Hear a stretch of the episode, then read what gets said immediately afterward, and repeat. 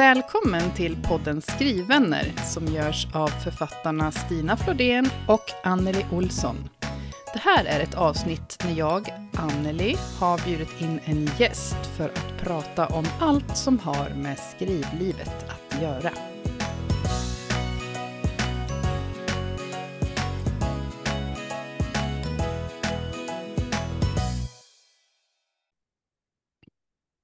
Ja, idag så har jag med mig en ny skriven i podden Skrivvänner och jag är så himla glad för det här.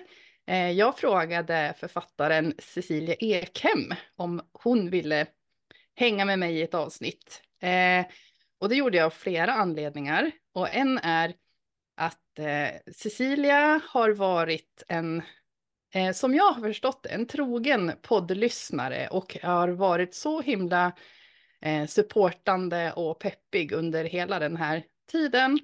Har alltid bra inspel, väldigt ofta i alla fall till den här eh, podden som Stina och jag i vanliga fall gör, för idag är det ju bara jag som sitter vid spakarna igen.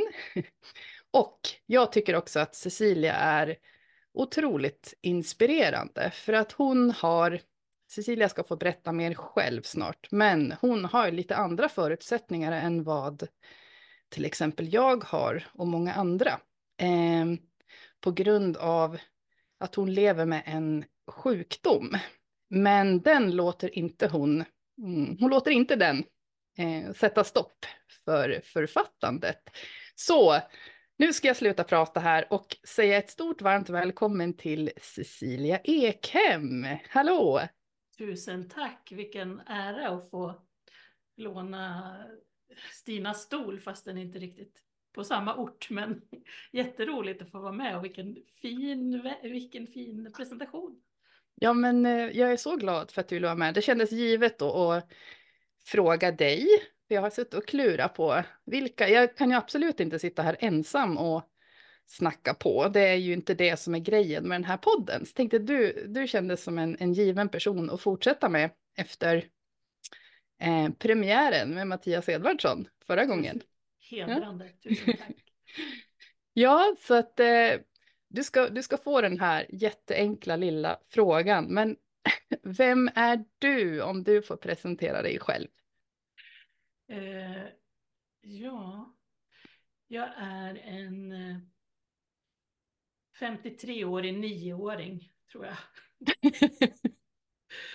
eh, jag, eh, eller ja, det var också, nio var också den ålder när jag minns tydligt att jag, att jag skrev väldigt aktivt och läste väldigt aktivt på liknande sätt som jag gör nu.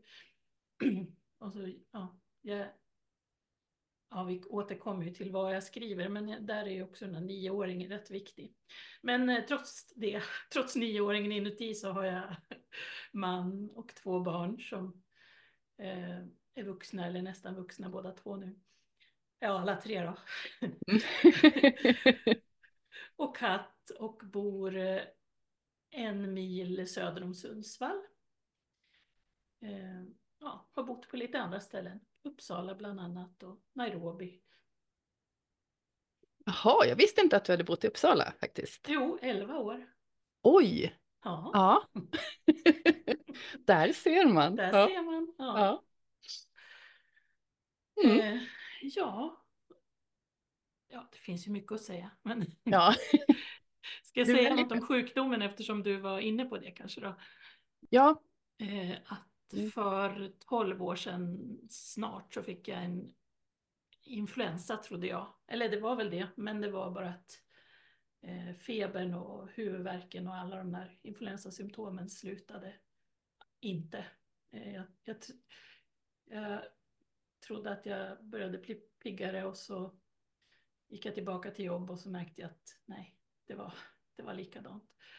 Och nu eh, efter pandemin vet vi ju att, eller det är så många som har gett exempel på post-covid och det är ju, ME är ju ungefär så. Mm. Eh, ME som min sjukdom heter då.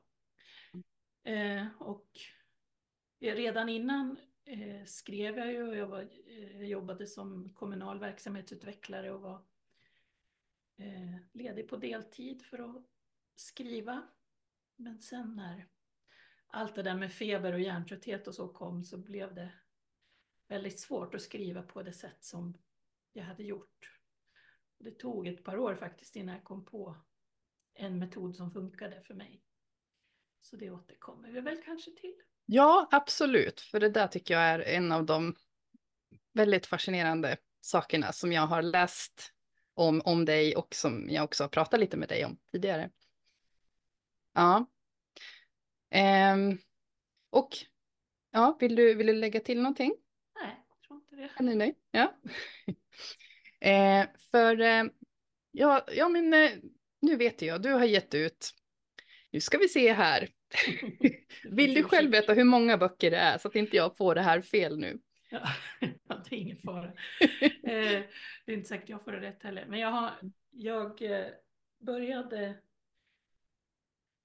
eller egentligen så här, skrivarresan eh, med det kreativa skrivandet började ju när jag var barn. Jag skrev massor med berättelser och noveller och så.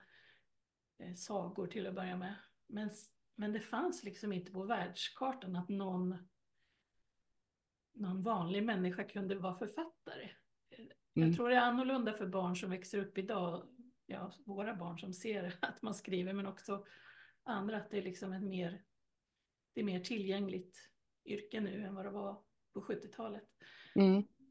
Eh, eller 80-talet när jag började skriva. Så det var först, jag har ju skrivit mycket annat förstås eh, genom åren, men, men det var först i, när jag hade passerat 30, när jag hade en hade en sjukskrivningsperiod i en psykisk utmattning som jag eh, kom på att jag skulle gå en kurs i kreativt skrivande. Och det var, ja, det var där som det började romanförfattandet. Så att då, eh, 2008 så kom debutromanen som hette Väntrum. Eh, och sen just när jag blev sjuk 2012 så hade jag skrivit färdigt eh, ja, den fristående fortsättningen som heter Snart dansar du åter.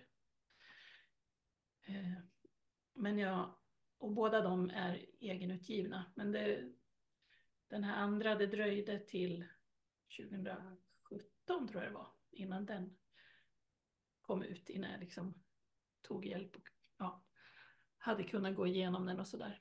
Ju mm. äldre man blir, desto mer förstår man ju att en bok är inte färdig när man tror att den är färdig. Mm. Så att, skulle jag ha skrivit väntrum idag så skulle den nog ja, ha sett lite annorlunda ut. Eh, just det, och sen... Nu ska vi se.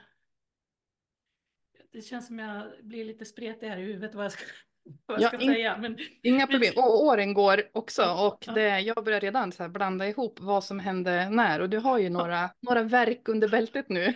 ja, men så småningom kom jag på hur jag skulle kunna skriva trots sjukdomen och då mm. eh, 2020 kom den romanen Vapenlös på eh, hybridförlag. Eh, och alla de här tre böckerna egentligen, de har Alltså det är ju romaner fullständigt fiktiva, men alla tre temana är eh, ja, hämtade ur mig. Så, och, och teman som jag saknade böcker på. Mm. Eh, det, första, det första väntrum eh, har barnlöshet som tema och det var ganska ovanligt då när jag började skriva den 2005 med romaner som som hade det i fokus och känslorna kring det och sådär. Mm. Eh,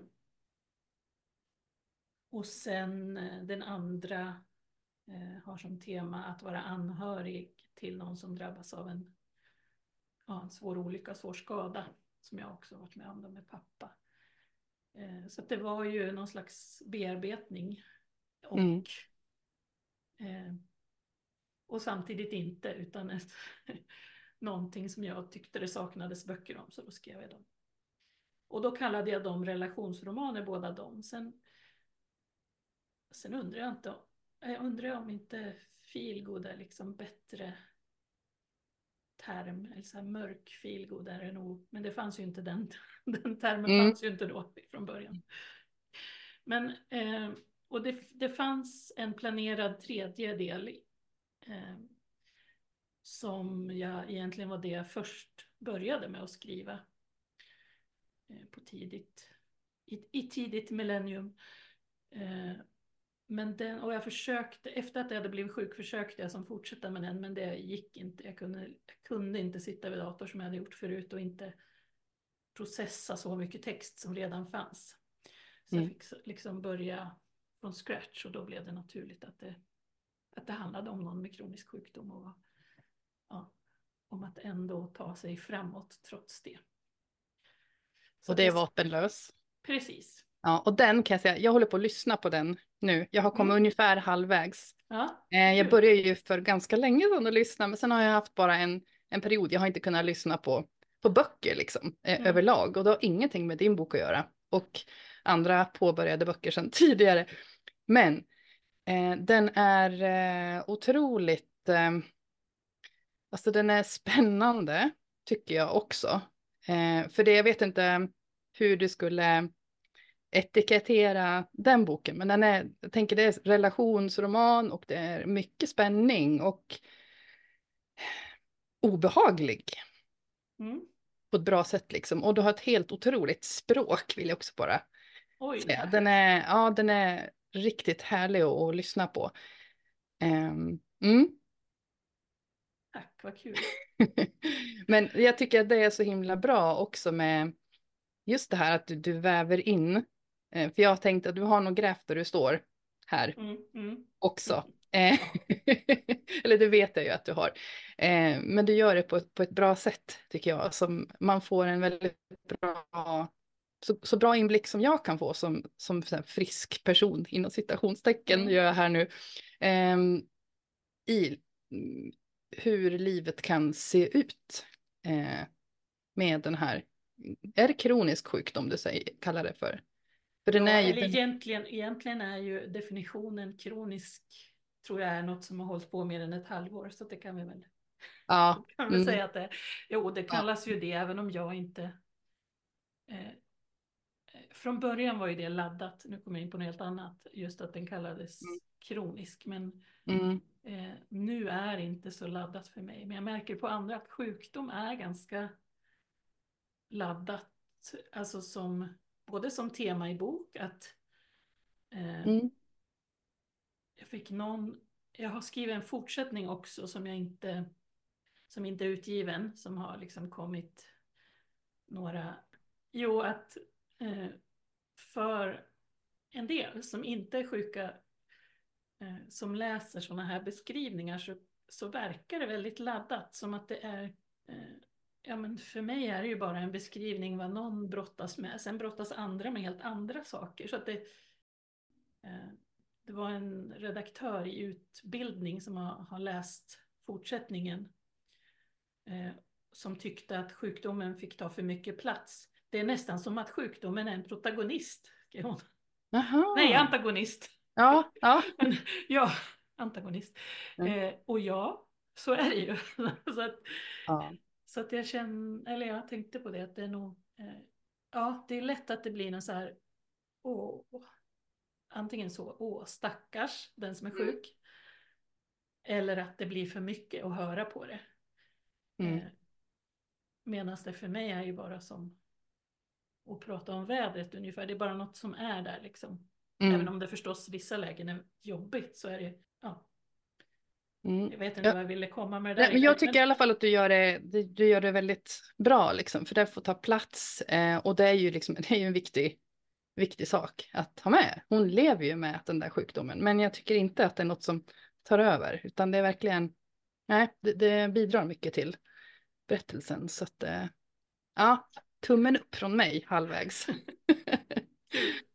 ja, Ja, men eh, ingen av de där tre kom ju någonstans i förlagsdjungeln om man säger så. Mm. Ja, eh, det heter ju att man blir antagen till ett förlag som ger ut, som, ja, de kallar väl inte sig själva hybrid. Det, det är ju samarbetsavtal och det är partnerutgivning och allt möjligt. mm, Men, men det, eh, men de var ändå... Det var ändå så viktigt med alla tre att de kom ut. Mm. Eh, och de har ju nått, ja men särskilt den första och den sista har ju nått sina målgrupper som, som, som saknade den boken på något sätt. Även om Mm. de inte har blivit några kioskvältare så har de ändå nått ganska många av dem som jag ville nå. Mm. Eh, Men den, får jag fråga bara, ditt Mm. debut, eh, din debutroman, skickade du den till förlag Ja, det gjorde jag. först? Eh, Och det här var ju då på den gamla tiden när man måste skicka bara i papper. Så det var ju, alltså det var ingen som tog emot digitalt. Eh, Fast man hade ju uppfunnit mail och datorer. men, Ja. eh, men ja, så det var ju en dyr grej också att skicka runt det liksom. Så att till slut bestämde jag, eller då var Vulkan alldeles nytt så att jag, när jag förstod att den utgivningsformen fanns så hoppade jag på det och gjorde en väldigt ful första version. Eh, ja, men sen så tre, fyra år senare så var det en av mina läsare som hade uppskattat den här, min första roman väldigt mycket, som också är grafisk designer, Mm. eh, Lise Svelander, som eh, hjälpte mig att göra ett nytt omslag och som också har gjort till de andra romanerna. Mm. Så det var ju fint att hon, ja, att det var på det sättet vi träffades också, att hon, var, hon läste den och ville gärna göra det här. Ja, det kan jag tänka mig. Att man eh, har någon som, som kan fånga den känsla som man vill förmedla också. Mm. För det är ju, det är ju svårt med omslag, Mm. tycker jag.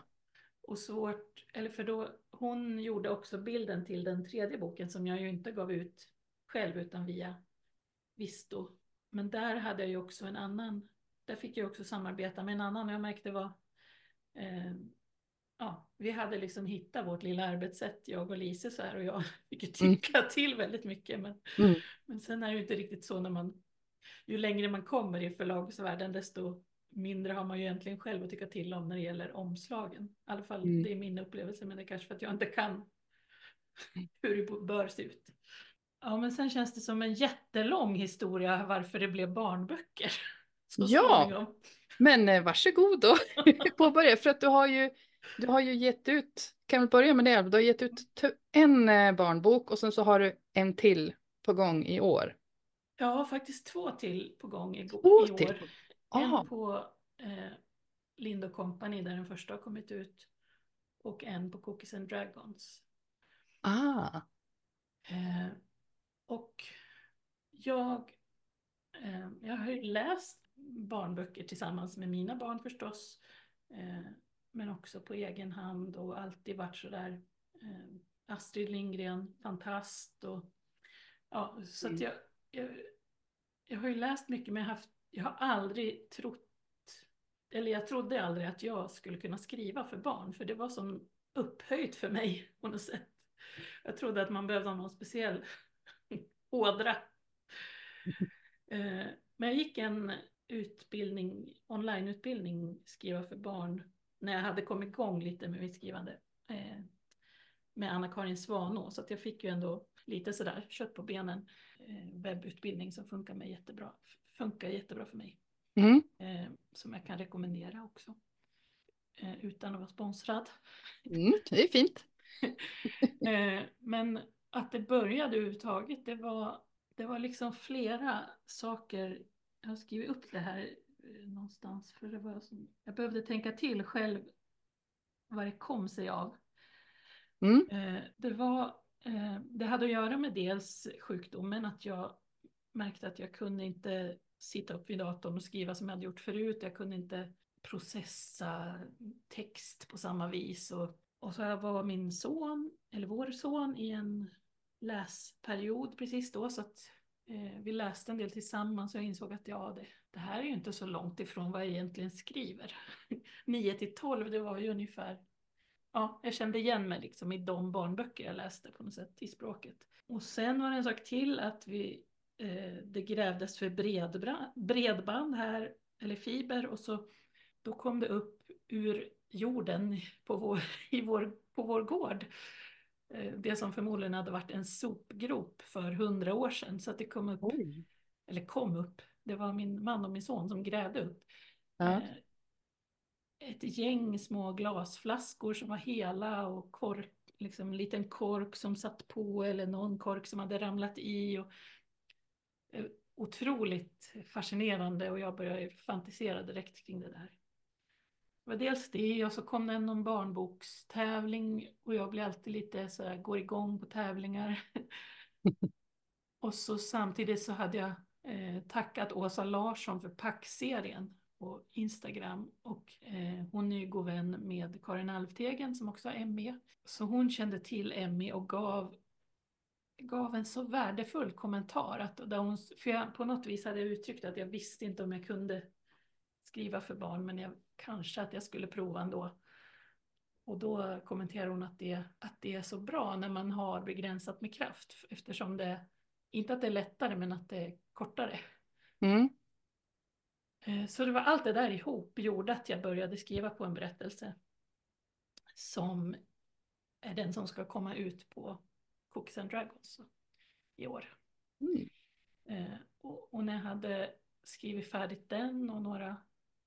Jag har liksom växlat så här. Jag, när jag räknar ihop det själv så har jag massor med manus som är färdiga så att jag nästan inte förstår hur jag kunnat skriva dem. Men jag har, eh, jag har ju som hela tiden sedan 2014 haft ett manus på gång och skrivit lite, lite varje dag. Och det blir, det blir förvånansvärt mycket till slut. Och till slut också en, en berättelse om Sundsvallsbranden eftersom det var en bibliotekarievän som hade sagt så många gånger att det skulle behövas en kapitelbok om det.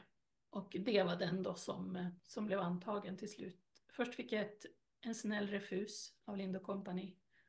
Som, och snälla refuser gillar vi ju, de kan man ju leva på länge. Ja, verkligen. Det låter ju jättekonstigt, men det gillar vi.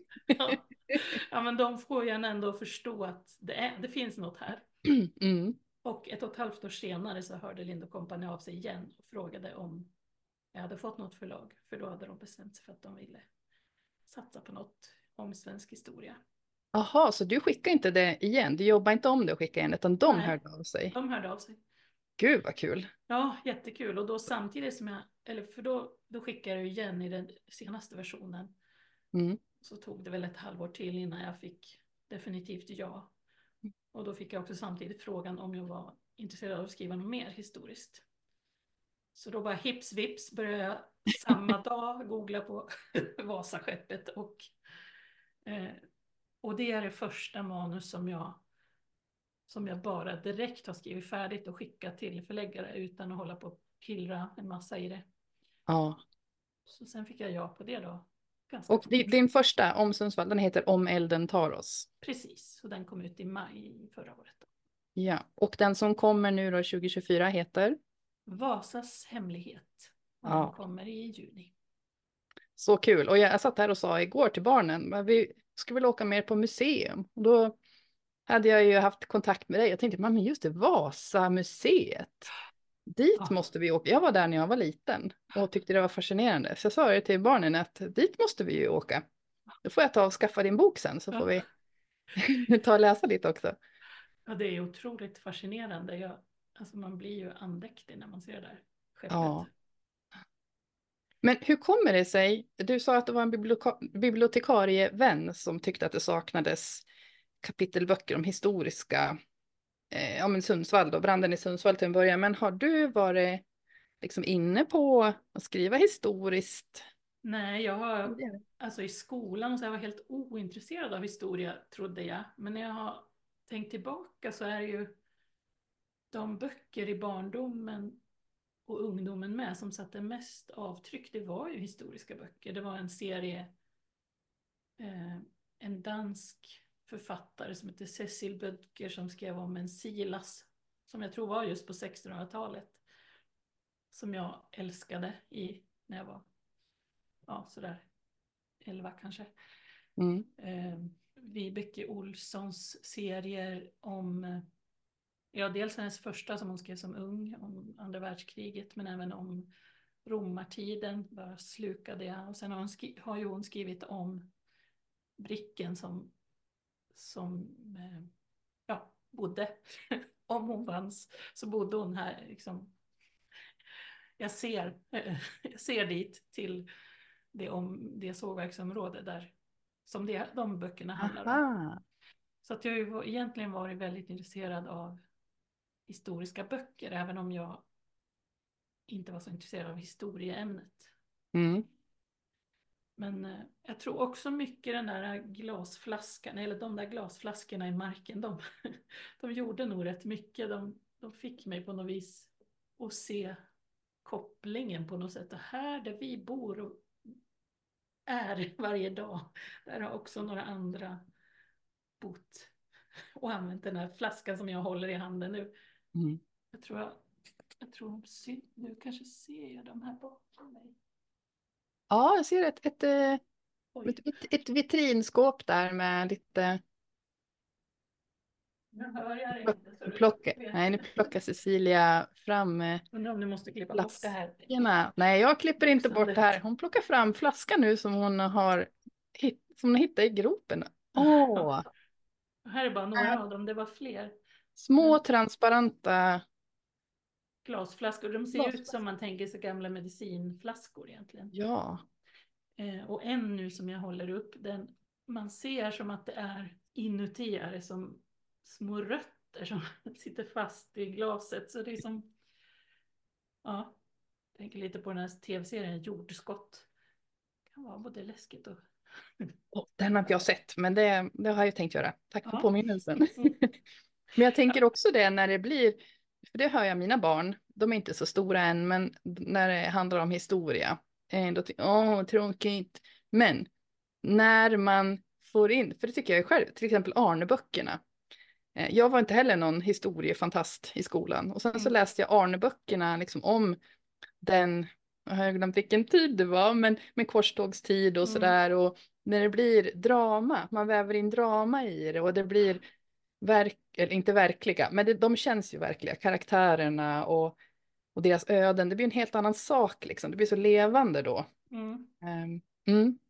Så viktigt tänker jag eh, med böcker Ja, för ja, barn. och- och särskilt om man är sådär som jag har varit, inte, inte jätteintresserad av historielektioner.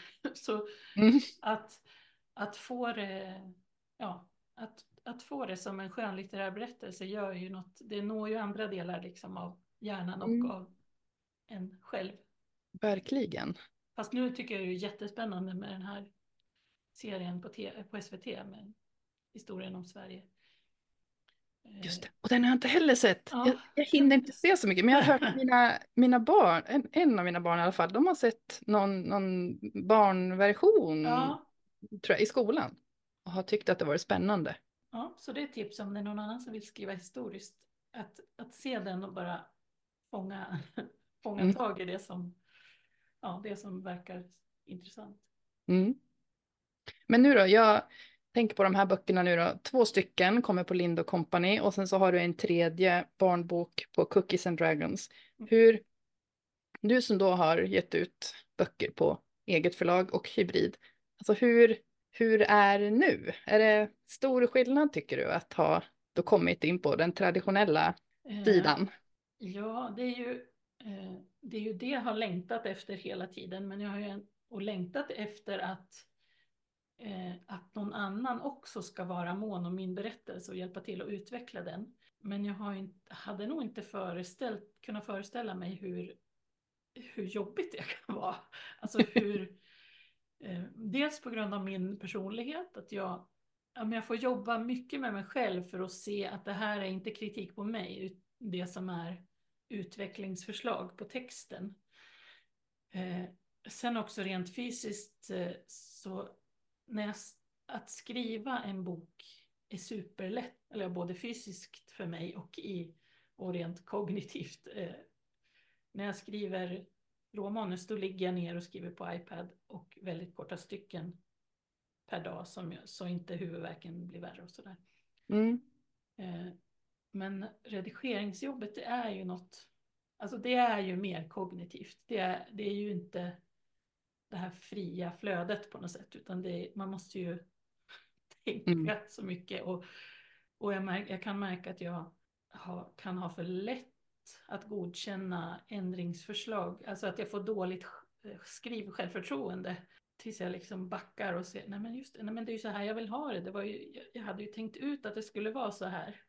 Mm. Eh, och då är man ju förstås fri att säga det. Men det är så, ja.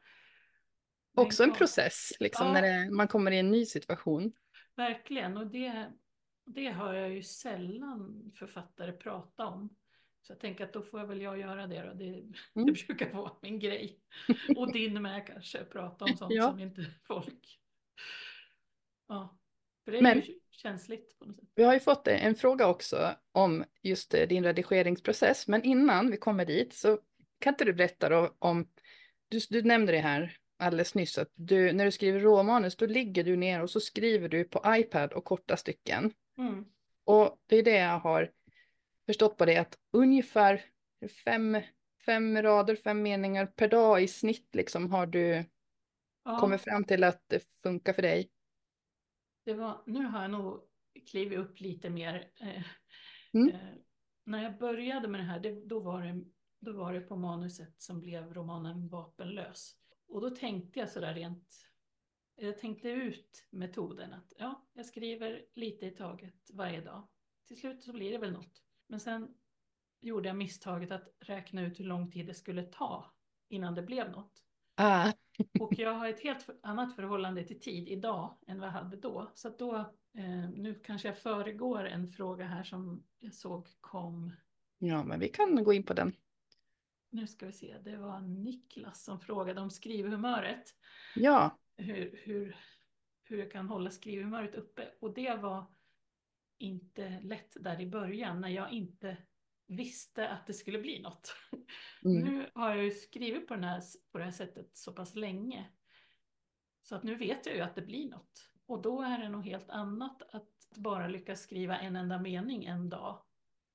För jag vet ändå att det här, är, det här ingår i den stora processen. Och, och jag är väldigt envis med att göra det där varje dag. Och det, det hjälper. Om så bara öppna, titta, skriva tio ord så är det ändå, så hjälper det ändå till att hålla berättelsen levande. Och hur länge sedan är det du började skriva på det här sättet? Det, det var i början av 20, nej, 2014, så det är ju tio år. Ja.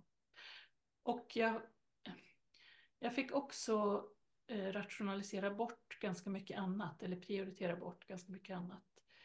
Eh, jag skrev blogg förut, det slutade jag med. Jag läste mycket bloggar, slutade jag med. Slutade se på nyheter, slutade lyssna slentrianmässigt på radio eller musik, för det tröttar hjärnan väldigt. Så att jag, ja, och massa andra saker. Sluta duscha så ofta, för det blir man oväntat länge slut av. Sluta handla mataffärer, alltså köra bil långt. Alltså, massor med saker egentligen, jag tänker efter, som, som behövdes för att jag skulle kunna det där med att skriva.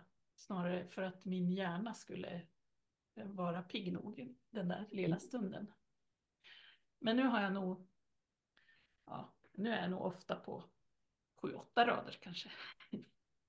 Men däremellan då, det jag, jag är jättenyfiken på säg att du skriver åtta rader då, mm. eh, idag.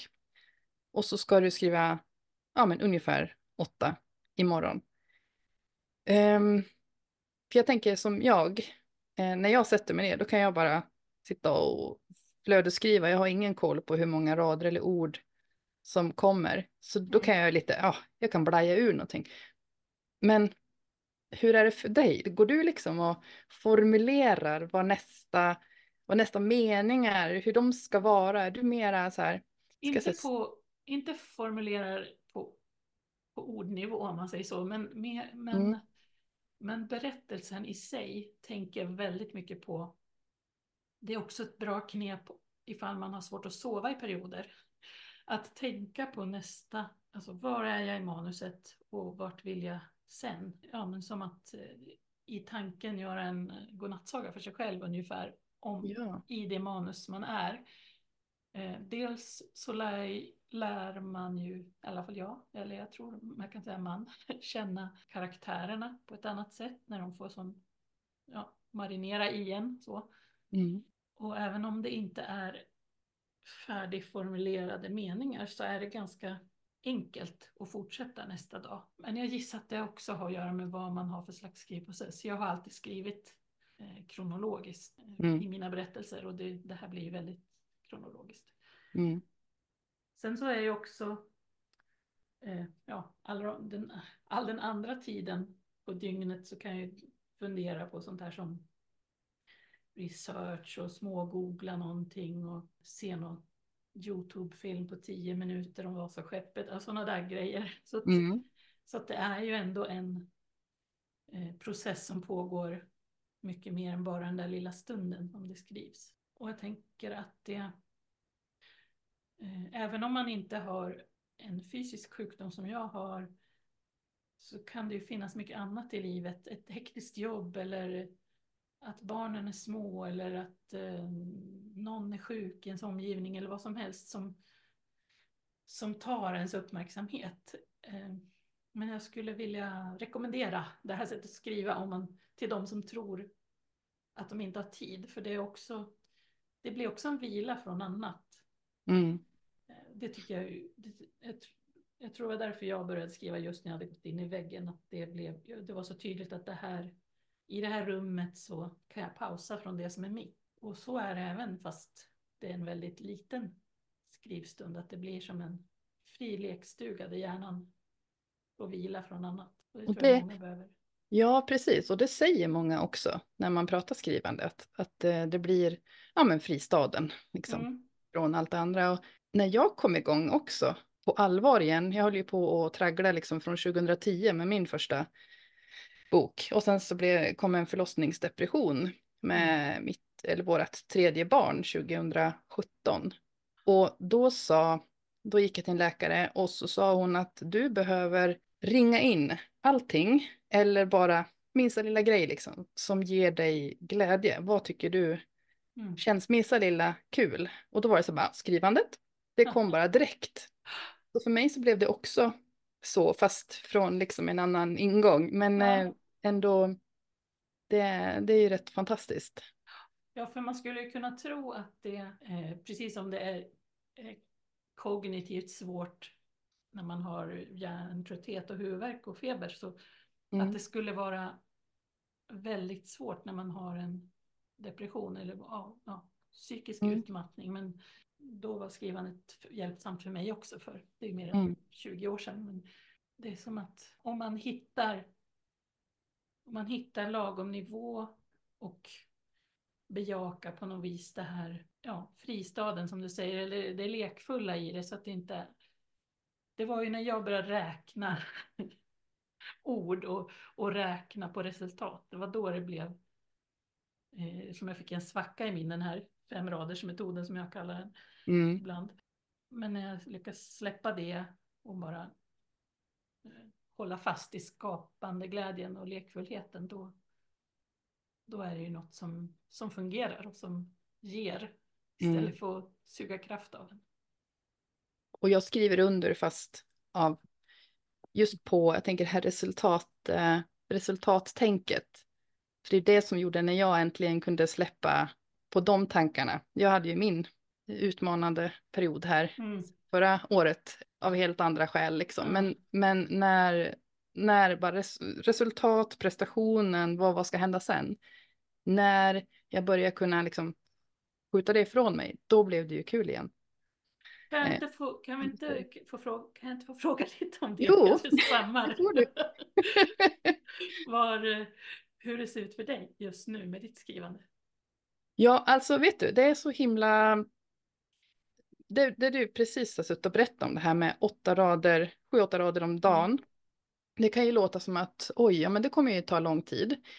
Men när man inte skriver någonting eh, om dagarna, då kommer ju du mycket, mycket snabbare framåt än vad till exempel jag gör just nu.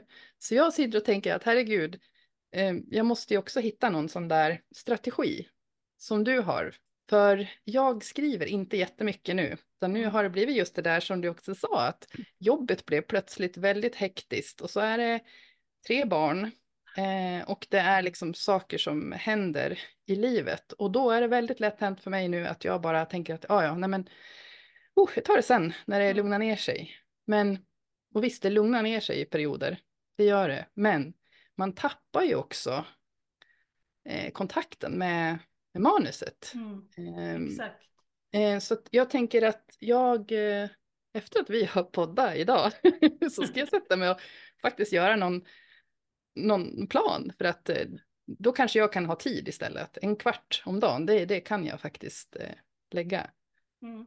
För jag satt här i, ja men mitt skrivande då, som jag säger, jag skriver knappt någonting nu. Jag går och tänker väldigt mycket och har gått och umgåtts med mina karaktärer i huvudet och knäckt lite, lite nötter, eller vad, vad man säger liksom. Haft lite knutar i, i storymässigt som måste lösas innan jag, innan jag känner att jag kommer vidare. Men jag satte mig här en stund i fredagskväll tror jag det var. Och så kände jag det börja bubbla. Mm. Eh, Att, oh gud, jag måste ju tillbaka. Ja. ja, för det där, det där bubblet ger ju en kraft också. Och, Ja, kanske, och kanske kan bli lite vaccin mot den där känslan som du får från hektiskt jobb och alltså Ja. annat som tynger ner. och risken är ju också eh, när jag då i det här fallet går och tänker att ja, men jag tar tag i det sen. Eh, och tänker att det, det är okej, jag går ju och tänker på mitt manus i alla fall och kan göra lite anteckningar ibland och så. Men risken är ju att det bara blir en fullskalig prokrastinering av det. Jag bara Mm. skjuter det framför mig, men det blir Mm. ju ingen bok. Och jag vill ju att det ska vara ett helt manus, även om jag tänker att prestation och resultat får inte riktigt finnas i min värld nu. Men jag vill ju ändå få klart det här, jag har ju min berättelse och så vidare. Ja, Eh, ja och, mm. och tror jag att alltså det här om jag jämför med hur jag skrev som frisk när jag hade eh, en skrivdag i veckan när jag var ledig från jobbet så eh, det var ju, ja, jag, jag tror att jag Dels tror jag att jag skrev sämre, eller det, jag- det gjorde jag ju för vi utvecklas ju tack och lov. Och tack och Till lov. exempel tack vare skrivpoddar och att lyssna på andra som skriver och att läsa mycket och så vidare. Mm. Men att ha det sättet att en gång i veckan sätta sig och, och liksom försöka få ner allt det där man har tänkt på som du beskriver. Att det är mycket mindre produktivt än att faktiskt ta en lilla, lilla, lilla stunden varje dag. Mm. Eh, För att det är ingen startsträcka då om, om det hela tiden är levande, in- både i huvudet och i fingrarna på något sätt. Mm. Och prestationsångesten kan man ju bygga upp ganska ordentligt också om man vet att okej, på nu ska jag skriva torsdag, ner allt jag har tänkt på i fyra månader. nu har jag tiden här. Så då, om man har haft det så här en liten kort stund varje dag och sen så råkar man då ha en hel skrivdag, då är det ju bara, då blir det som en, eh, då blir det göttigt, lite Ja. extra bonus. Men, Men det är ju utmaningen då att hitta, att det inte ska vara en utmaning, att hitta, Ja. Hitta den, den tid på dygnet och det sätt att skriva som, som blir minst motstånd så att det faktiskt blir av. Om det är, mm. för mig är det ofta på morgonen, fast jag inte, eller nu med sjukdomen så är jag är egentligen förmiddagen eh, hjärnans svåraste tid. Men jag märkte om jag ligger kvar i sängen Mm. och inte börja vara liksom för, för rörlig så att jag blir trött så är det lättast att få till det på morgonen. Så att jag, det är det jag oftast gör. Mm. Och för någon annan kanske jag är på bussen eller på toa eller vad som helst. Mm. Där man kan låsa in sig Ja, från sin familj. ja, för mig har det ju också att jag har kunnat utveckla det här. Det, är ju också eh, när jag började den här metoden då, då var ju våra barn 15 och 7 så att det är ju och nu är de 25 och 17 så det är ju enormt stor skillnad på hur mycket tid hur mycket tyst tid som finns. Mm. ja, men det är, det är som sagt, det här är en av de sakerna som jag tycker är så otroligt inspirerande med dig.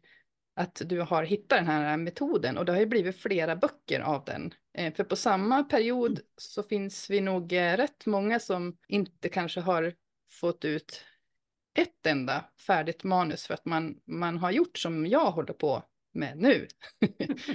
och liksom bara åh, skjut, skjuter bort lite grann för att jag, jag prioriterar inte. Mm. Mm. Så det där tänker jag är något som vi kan ta med oss många. Och jag lyssnar också på en, en podd som heter The Best Seller Experiment och de har länge haft en, eh, de kallar det för eh, 200 words a day challenge. Eller något sånt där. Mm. Och det tar ju olika lång tid för olika personer, men Mm. det kanske det kanske kan ta en kvart, 20 minuter. Och Mm. det är det ju många som har fått ihop böcker på. Så det är Ja. liksom det lilla stegets kraft. Just precis. Eh, jag kan tipsa om, jag blev intervjuad av eh, tidningen Skriva, det var ju Life Goal, eh, Ja. i somras. Så det var i september, det finns en, eh, det var inte bara jag som blev intervjuad utan det var flera andra som av olika skäl har, eh, jag tror alla hade olika fysiska förhinder för sitt Mm. skrivande. Och den he- artikeln heter Skriva med förhinder. Och den, ja, den går att leta rätt på den, det reportaget, väldigt långt. Men det var, jag tyckte det var otroligt inspirerande att läsa om de andra också. Eh, Det var jättebra. För, för jag tror det är ganska många som har olika utmaningar, eller de allra flesta faktiskt. Mm. Ja, Det kan ju, vara, det kan ju vara en, ligga i en själv också. Det kan vara eh, hinder som är dåligt självförtroende eller eh, att ja, våga tro på att det ska bli något. mm. Så det gäller väl att kanske göra en liten analys vad man, vad man själv har för hinder. exakt. Och vilka små steg kan man börja ta? För det, det är som du säger på, på 70-80-talet då, när du, du var liten, växte Mm. upp, eh, du tänkte att "Men det är väl inga vanliga människor som kan bli författare. Liksom. Mm. Så jag, jag ville också bli författare när jag var liten. Och det var ju härligt fram till att man insåg att oj då, men det där kan man nog faktiskt inte göra. För först trodde jag, ja, men vadå då? Det är väl bara att skriva och hitta på och, och hålla på som jag gör nu och Mm. sätta upp berättelser. Men jag tycker den liksom föreställningen, den eh, lever ju säkert kvar och man hör om det här jättetrånga nålsögat, vilket det ju är, men det finns så otroligt många fler möjligheter idag, Mm, jag, om man är ute efter att skriva sin bok, publicera sin bok. absolut. Eh, ja, men vi kan väl, eh, nu ska vi se. Jag kollar på eh, frågorna som vi har fått in och Niklas Köhlers, den har vi ju, den har du varit inne på redan, med skrivhumöret, hur håller du uppe? Eh, och Det så, Apropå den kan jag ju säga då, Mm. eftersom jag nu, eh, nu har jag ju bra skrivhumör eftersom jag vet att det blir något eh, efter ja, alla dessa år med den här metoden. Så nu kan jag lova att det blir något. Om du, om du skriver varje dag Mm. eh, på ditt manus och det bara blir tre ord en dag så det kom, du kommer framåt. Mm. Lisa Nilsson lovar också det i Långsamt leder också någonstans. ja, alla säger det, så att Ja. vi får tro på det. Ja. Men jag tror att vi är så otåliga och ivriga. Det är något som jag har Mm. fått slagits med själv och det är jag ju knappast ensam om. Man vill ju ha resultatet direkt. Ja, Eh, och det är liksom, det är den rådande norm vet jag inte om man ska säga, men det ska ju gå snabbt och man ska bli framgångsrik fort, vad det nu Mm. innebär liksom. Mm. Så att, eh, mm, det är mycket med det där. Ja. Ja, eh, nu ska vi se, Sara Klingamyr, hon hade ju frågor om eh, erfarenheter av olika utgivningsformer och det har vi ju faktiskt varit inne på, från att du gav ut själv till hybrid till eh, traditionell utgivning. Och eh, Sara undrar här också, den kan vi ta, om du lyf lyfte Cecilia fram de tidigare böckernas bra recensioner i följebrevet för Om elden tar oss, eller lät hon manuset tala för sig själv? Min spontana gissning när jag läste den frågan var ja, det måste jag ha gjort för jag brukar, jag brukar skryta liksom om saker. Sådär. Gud vad bra! Men, men sen gick jag tillbaka och såg, nej, det var ingenstans där jag hade skick, dit jag hade skickat om elden tar oss hade jag sagt någonting om, ja, kanske att jag var en skrivande person, men ingenting. Så det var tydligen att det fick tala för sig själv då. Fast nu när den är utgiven på ett traditionellt förlag, då skryter jag förstås med det när jag, Ja. skickar, när jag skickar manus. Ja, men det är bra, för det är också en, eh, det är svårt ju. Särskilt i, jag vet inte, eller vet inte, det vet vi alla att vi lever i janteland. Kanske håller det på att suddas ut med yngre generationer, jag vet inte, men det, det är svårt då. Och svårt att veta med följebrev överhuvudtaget. Vad, hur, hur stor Ja. betydelse har de egentligen? Exakt, för det säger ju också förläggare olika saker om hur viktigt Mm. det är. Bara, nej, men det är inte så viktigt, det är ju manuset som är grejen. Och andra säger att det är ett otroligt viktigt inslag, liksom, för det är det första vi ser. Vissa vill ha en synopsis för hela berättelsen. Andra har jag hört säga i någon podd att nej, men jag är också en vanlig läsare, jag vill inte veta allting. Mm. Så det är ju chansning på gott och ont. Ja. Nanny Lundin undrar eh, hur du hanterar redigeringen när du behöver hushålla med din energi för att orka. ja, och det som jag sa så är det, eller sa jag det, eller tänkte jag bara att det är svårare än själva råmanusprocessen. För det, Mm. det är det där att det krävs någon slags, ja, jag vet inte vad, men det är en, det är en kognitiv ansträngning att, att se lite mer objektivt på sin text än att bara, bara säga inom citationstecken, än att Mm. mata fram en, en saga. Eh, så att det, ja, det, det är mycket mer motstånd i mig att göra det. Eller det, det, är, det är motstånd i mig att göra det. Det här, det här andra råmanusskrivandet är inget motstånd, det är bara härligt. Men så gott som alltid. Men i redigeringen får jag som bestämma att det här ska jag göra varje dag, en liten stund. Och samma sak där, jag gör det varje dag. För annars, annars blir så mycket kvar Mm. till en annan dag. Men det är svårt, både, både vad det kräver rent eh, för hjärnan och kroppen. Jag känner att det är mycket, då, då behöver jag sitta upp vid dator för att få liksom överblick av någon anledning. Eller för att det, jag, jag får inte till det riktigt på, på de här apparna på paddan. Så att det, ja, det är nog bara att det här kommer, ta, det här kommer också gå över. This too shall pass. Det är det som gör att jag står ut med det. Det är ju så konstigt för det är verkligen det här jag har önskat i alla år. Eh, I Ja. nästan 20 år av skrivande så har jag ju önskat det här. Förlagsfeedback och redigering utifrån det. Men, Mm. men hur, hur stort jobb det faktiskt kan vara, det, Mm. ja, det hade jag inte riktigt kunnat föreställa mig. Men visst är det väl också skönt att eh, man inte vet i början hur det kan Ja. vara. Och alla upplever det, det olika, men vissa saker som det här med att oj, det här var ju mycket mera jobb och svårare än vad jag trodde. Det tror jag nog att vi eh, inte är ensamma om att eh, inse. Nej, precis. Och, jag, och för, eh, redigering som bara jag är inblandad i, det tycker jag inte, det tycker jag inte är jobbigt. för då är det ju bara jag själv som, som tycker att saker är dåliga eller kan utvecklas. Men när det kommer någon annans input, om det så är lektör eller testläsare eller redaktör eller förläggare, då, blir jag, då, då får jag ha liksom en själslig brottningsmatch med mig själv på något sätt.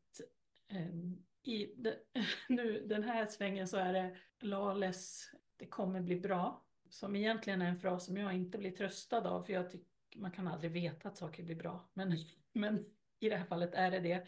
Mm. Just för orden Jag är bara en sten i havet. Jag insåg, jag, jag insåg att oj vad tröstrikt. Det här är liksom inte hela världen. Sten i havet. Och det passar bra också när, nu när jag håller på med både Vasaskeppet och Ja. de där stenarna i marken eller glasflaskan i marken. Eh, Det, ja, Ja. det blir något och det, till slut så blir det kanske något bra. Eller Precis, halvbra och då får det duga. Exakt, och det, ja, vi är ofta de eh, mest kritiska eh, personerna mot det vi gör också, tror jag. Självkritiken. Och vet jag, du vet, jag är ju rymdnörd, så att jag brukar, jag brukar ta ett kosmiskt perspektiv. När jag tycker att det, det suger och är svårt det jag håller på med, att jag, jag är så värdelös, då går jag ut när det kanske någon gång råkar vara inte mulet och så kolla på stjärnorna och bara, ja ah, just det, jag är ju jag är hela mitt universum, men jag är rätt obetydlig i det stora hela. Och vad jag håller på med, herregud, vad spelar det för roll? Eh, men i mitt universum spelar det ju roll. Men mm. ja, du fattar. Ibland det är som en sten i havet-grejen. Ja. Och det är ganska skönt tycker jag. Det, det ger mig tröst. Ja, ja. sant. eh, men du, en sak som jag har funderat lite på också. Eh, det är om, om du har eh, funderat på att diktera det du skriver, liksom prata in din text och sådär med så här, ja men det finns ju mm. appar och AI-lösningar. Eller är det liksom, behöver orden komma ut genom fingertopparna på dig? Eh, svar ja och ja. ja. jag, har, jag har testat. Mm. I, eh, ja, första gången när, när iPhone-diktafonen var ganska ung och mm. helt värdelös. Eh, Eh, men också testat appar som kanske är bättre på att tyda vad man säger. Men ja, jag, har, jag har egentligen mest testat det för att ha testat det. För, för jag känner att det blir... Det, jag tappar liksom styrfart om jag måste rätta. Då, det behöver få bli så som jag har tänkt från början. Jag kan, för det är mycket rättande om man, om man dikterar, tycker jag. Och även om det inte är så mycket så är det ja, det, det stör liksom processen. Så att jag, äh, då skriver jag hellre lite kortare. Mm. Och att, de, att, jag, att jag är ganska färdig med de meningarna. Men också där beror det ju på vad man är för slags författare. Jag, mm. jag vill vara... Jag kan inte skriva liksom Laila, Laila, här ska det stå någonting om att hon blir arg. Utan jag måste ha ganska färdiga... Mm. Jag vill ha färdiga meningar. Även om jag mm. förstås redigerar sen så, är det, så ska det vara en helt sammanhängande berättelse när mitt roman är färdigt. Mm. Jag känner faktiskt ingen som, som jobbar med att diktera in sina manus. Eh, jag har däremot hört om det i utländska författarpoddar. Mm. Och sådär. Mm. Och då har de, de säger det är ju en träningsfråga. Men jag tänker också att för egen del så är det ju det är det här lite långsammare, eftertänksamma. Det är det som också är grejen för mig när jag skriver, även om det inte mm. blir, det blir rätt dåligt det första jag gör liksom. Men ändå att, att jag bara får, får samla mig, mina tankar och sen så kommer det ut någonting genom fingrarna och ibland hinner man ju inte hänga med. Jag hinner inte hänga med vad, vad var det där för någonting? Mm. det är lite magi i det. Mm. För skulle jag sitta och prata in, då skulle jag nog, det skulle liksom hänga sig för mig. Ja, Ja, för då, det blir, det blir ett annat berättande känns det som. Och det går ju ändå inte att... Nej. Nej. Ja, det är inte för oss. om det går, men inte för oss. Mm, inte för oss. ja, och vi håller på att komma till, till slutet av eh, alla frågorna som jag har till dig här. Och jag undrar då, vilket är ditt bästa tips eller råd till andra skrivande personer utifrån det här temat? Det har ja, men ett övergripande tema har vi idag och det är det här med att tackla fysiska och psykiska utmaningar i, i skrivandet. Ja, och det är väl eh, skriv, det första rådet. Skriv. eh, och våga tro på att det, det du gör leder någonstans. Eh, det är lätt att tänka att, det, att det, det här med att skriva varje dag, att det blir någon slags tvång över det. Eh, så jag tror på något vis, för mig, det har jag glömt att säga, men för mig var det så viktigt att hitta tillbaka till det här skrivandet. De första två åren eh, med ME, min sjukdom, så kunde jag inte det. Jag visste inte hur jag skulle göra. Jag provade att sitta upp med mitt gamla manus, men det, hjärnan funkar bara inte. Och då mådde jag mycket sämre eh, psykiskt eh, för att jag inte hade skrivandet. Och det är ju med det i bagaget som jag vet hur, hur viktigt skrivandet är för mig, för mitt själsliga mående. Så att det inte är ett tvång, även om jag kan vara lite så här eh, har lite tendens till tvångstankar och kolla spisen och sånt lite ofta så är det inte något tvång i det här att skriva varje dag utan det är eh, som att eh, det är roligare än att borsta tänderna men det är ändå en sån vana som, som, som, blir till någonting bra. Så det är väl det, kanske att hitta, kanske att man behöver hitta sin egen morot på något sätt. Vad, mm. eh, vad, vad är det jag vill? Jag vill både, för mig är det både att jag vill skriva för att jag mår bra av det och jag vill komma någonstans med mitt skrivande mm. och jag vill bli läst. Och då, ja, då behöver jag göra det här varje dag. Väldigt flummigt formulerade råd. Nej, det var, det är ju, det är så här, ja, ja, jag sitter och nickar här. Det, mm, ja. Så det är väl kanske det, hitta sin, hitta sin morot eller motor. Eh, ja. Samma bokstäver fast olika ord. Eh, och att eh, våga tro att det blir något även fast det går långsamt. Mm. Det där behövde jag höra nu. Mm. Så tack för det. Ja, nej, jag tror att det är många som behöver höra det. Och eh, man har ju sina perioder av självtvivel och så vidare. Mm. Den här kreativa processen i de här fem eller sex stegen eller vad det är som är, den är rätt kul att titta på ibland. Kanske I am... ska göra det nu. Ja, man är nere på I am shit. This is shit, I am shit. Det, det är ju ingen rolig plats att vara på. Ja, men superbra tips. Eh, jag ska, jag ska boka in skrivtid. Jag ska boka in en kvart om dagen tror jag nu. Mm. Vad bra. Ja, för att det, det, är så lätt hänt som vi var inne på tidigare också, kanske flera gånger till och med, att det är lätt att göra det stort. Men jag måste avsätta två timmar. Liksom. Mm. Men nej, det kanske inte alls det behöver göra, för de blir svåra att hitta. Ja. Eh, ja. Eh, men du Cecilia, då har jag bara tre korta frågor kvar. Mm. mm. Som jag har två svarsalternativ på per fråga. Och du får bara välja ett och så Oj. får du motivera om mm. du vill. Eller så, så slipper du. Mm. Men de är snälla. Så att den första är skriva med synopsis eller skriva utan synopsis. Utan. Utan. Det, ja, det har väl att göra med det där att jag, eh, samma sak som gör att jag tycker det är svårt med viss typ av redigering, att jag, det blir något så här matematiskt nästan över det som inte, som inte min hjärna funkar med och gjorde nog inte som frisk heller, utan jag, jag kan förvisso, en del saker behöver man ju hålla reda på, som om folk har efternamn och vem de är barn till och sådana där grejer. Mm. Så det kan jag ju notera någonstans, men väldigt sällan något som liknar synopsis. Mm. Eh, nästa, den här har du väl egentligen svarat lite på, men eh, skriva på morgonen eller på kvällen? Ja, det är nog det är främst morgonen.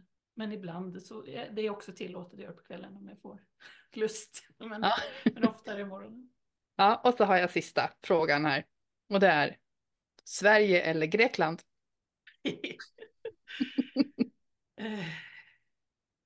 Ja, ur skrivperspektiv så, så tror jag nästan Grekland. Och jag, nu låter det som att jag brukar vara i Grekland ofta, men jag var ju, du vet ju att jag var där länge i somras eftersom jag fick ett författarstipendium av, ja, precis. i Kavallahuset. Så man, jag tror man kan söka det just nu om man är med i Författarförbundet. Så det uppmuntrar jag till om man har möjlighet att vara borta en månad. Det såg underbart ut. Ja, och för mig är det rena hälsokuren att vara i hett klimat. Mm. Som jag egentligen, egentligen tycker jag inte om hett klimat, men min, mina celler gör det. Så att mm. jag, många av symptomen bara trillar bort när det är sådär över 30 grader dygnet runt. Så jag skrev nog på de där fyra veckor, eller fem veckor blev det i Grekland, tror jag skrev lika mycket som jag gör på ett år hemma. Oj. Ja. Så att, jag tror jag svarar Grekland. Ja. Lite taskig fråga för att förstår, du, du gillar nog Sverige också. Men, ja, eh, ja, men jag, jag har ju sett dig att du, du har mått bra av värmen. Mm. Ja, ja, må den här, eh, det här halvåret nu eller fem månader eller vad vi har gå lite snabbt så vi kommer till sommar. det är fler som längtar. Ja, är det någonting annat som du skulle vilja lägga till eller berätta om som du tycker att jag har missat att ta upp med dig? Nej men tack bara, vad jätteroligt att få prata skrivande så här. Ehm, ja, väldigt positivt. Ja men vad kul. Det var jätteroligt. Och som sagt så är ju dock eh, det här att, eller som sagt, jag tror inte jag har sagt det, ah, eh, när man har något som man kämpar med, för mig då fysisk sjukdom, så är det ju som begränsar mig väldigt mycket så att jag är väldigt lite från hemmet, så är det ju lätt att kännas, eller det var lätt att känna att jag stod stilla på något sätt. Att, och det ser jag många andra som är i en annan fas när, när det gäller fysisk sjukdom eller psykisk eller vad det nu må vara. Att man ser liksom människor utanför fönstret leva sina liv men man själv är stilla på något sätt. Och det tycker jag skrivandet är ett fantastiskt motgift mot den känslan. För att i en skrivprocess är du ju alltid på väg framåt. Var det än leder, om, även om det inte blir någon utgivning av det så är det ju i berättelsen är du på väg framåt om det så bara är tre ord per dag Mm. som kommer ut. Så att, ja, det skulle jag väl skicka med till den som vill, vill skriva och som känner att livet är motigt. Att se om, det, se om skrivandet kan vara det där som, som blir det lustfyllda, som inte blir ett, ytterligare ett krav utan något som hjälper till att se att det, livet har en framåtrörelse även om man själv är ganska stilla. Mm. Det är lite samma som med att läsa böcker när man har lite tyngre perioder. Oavsett vad det beror på. Att man går in i en annan värld och så går man framåt där. Mm. Det, mm, Och där kan man ju också eh, inte tipsa nog ofta om att läsa barnböcker. För just eh, 9 till 12 som jag skriver och även för unga vuxna är ju eller att, eller att läsa lättlästa böcker. Eh, jag tror inte det alltid är så att eh, man tänker på det om man har motigt att läsa. Att det faktiskt finns sådana alternativ som, som är Mm. lättare att ta sig igenom men det ger samma läsglädje. mm. Så det är också ett tips. Jättebra tips och det kan jag skriva under på. Jag som har läst 9 till 12 också av Mm. någon kompis. ja, men eh, tusen, tusen tack Cecilia. Jag hoppas att jag inte har tröttat ut dig för en vecka här nu när vi har podda och, så vill jag också tala om att om man vill följa Cecilia och hennes skrivande så finns hon på Instagram och där heter du Ekhemmanet. i ett ord. Ja, Mm. Är det någon annanstans du vill att man kan kika in? Eller där du... Instagram och Facebook-sidor som heter det. Heter Mm. Ekhemmanet kan man följa med på. Yes. Ja, men igen, tusen, tusen tack och lycka till med dina två utgivningar i år nu då. Tack. Otroligt Och- häftigt. Och lycka till med din, den fantastiska skriv... eh, Strike som du ska börja med nu här. Ja, kvart precis. Som inte ska bli något måste, men lustfyllda, lustfyllda 15 minuter. Ja, just Och det lät kanske inte så bra. Eh, men Lustkvarten. lustkvarten. Ja, skrivlustkvarten får jag lägga Ja. till. Ja. Ja. Ja, men tusen tack Cecilia och eh, ta hand om dig och vi ses i sociala medier Det gör vi. först och främst. Ja, Hej hej. hej då!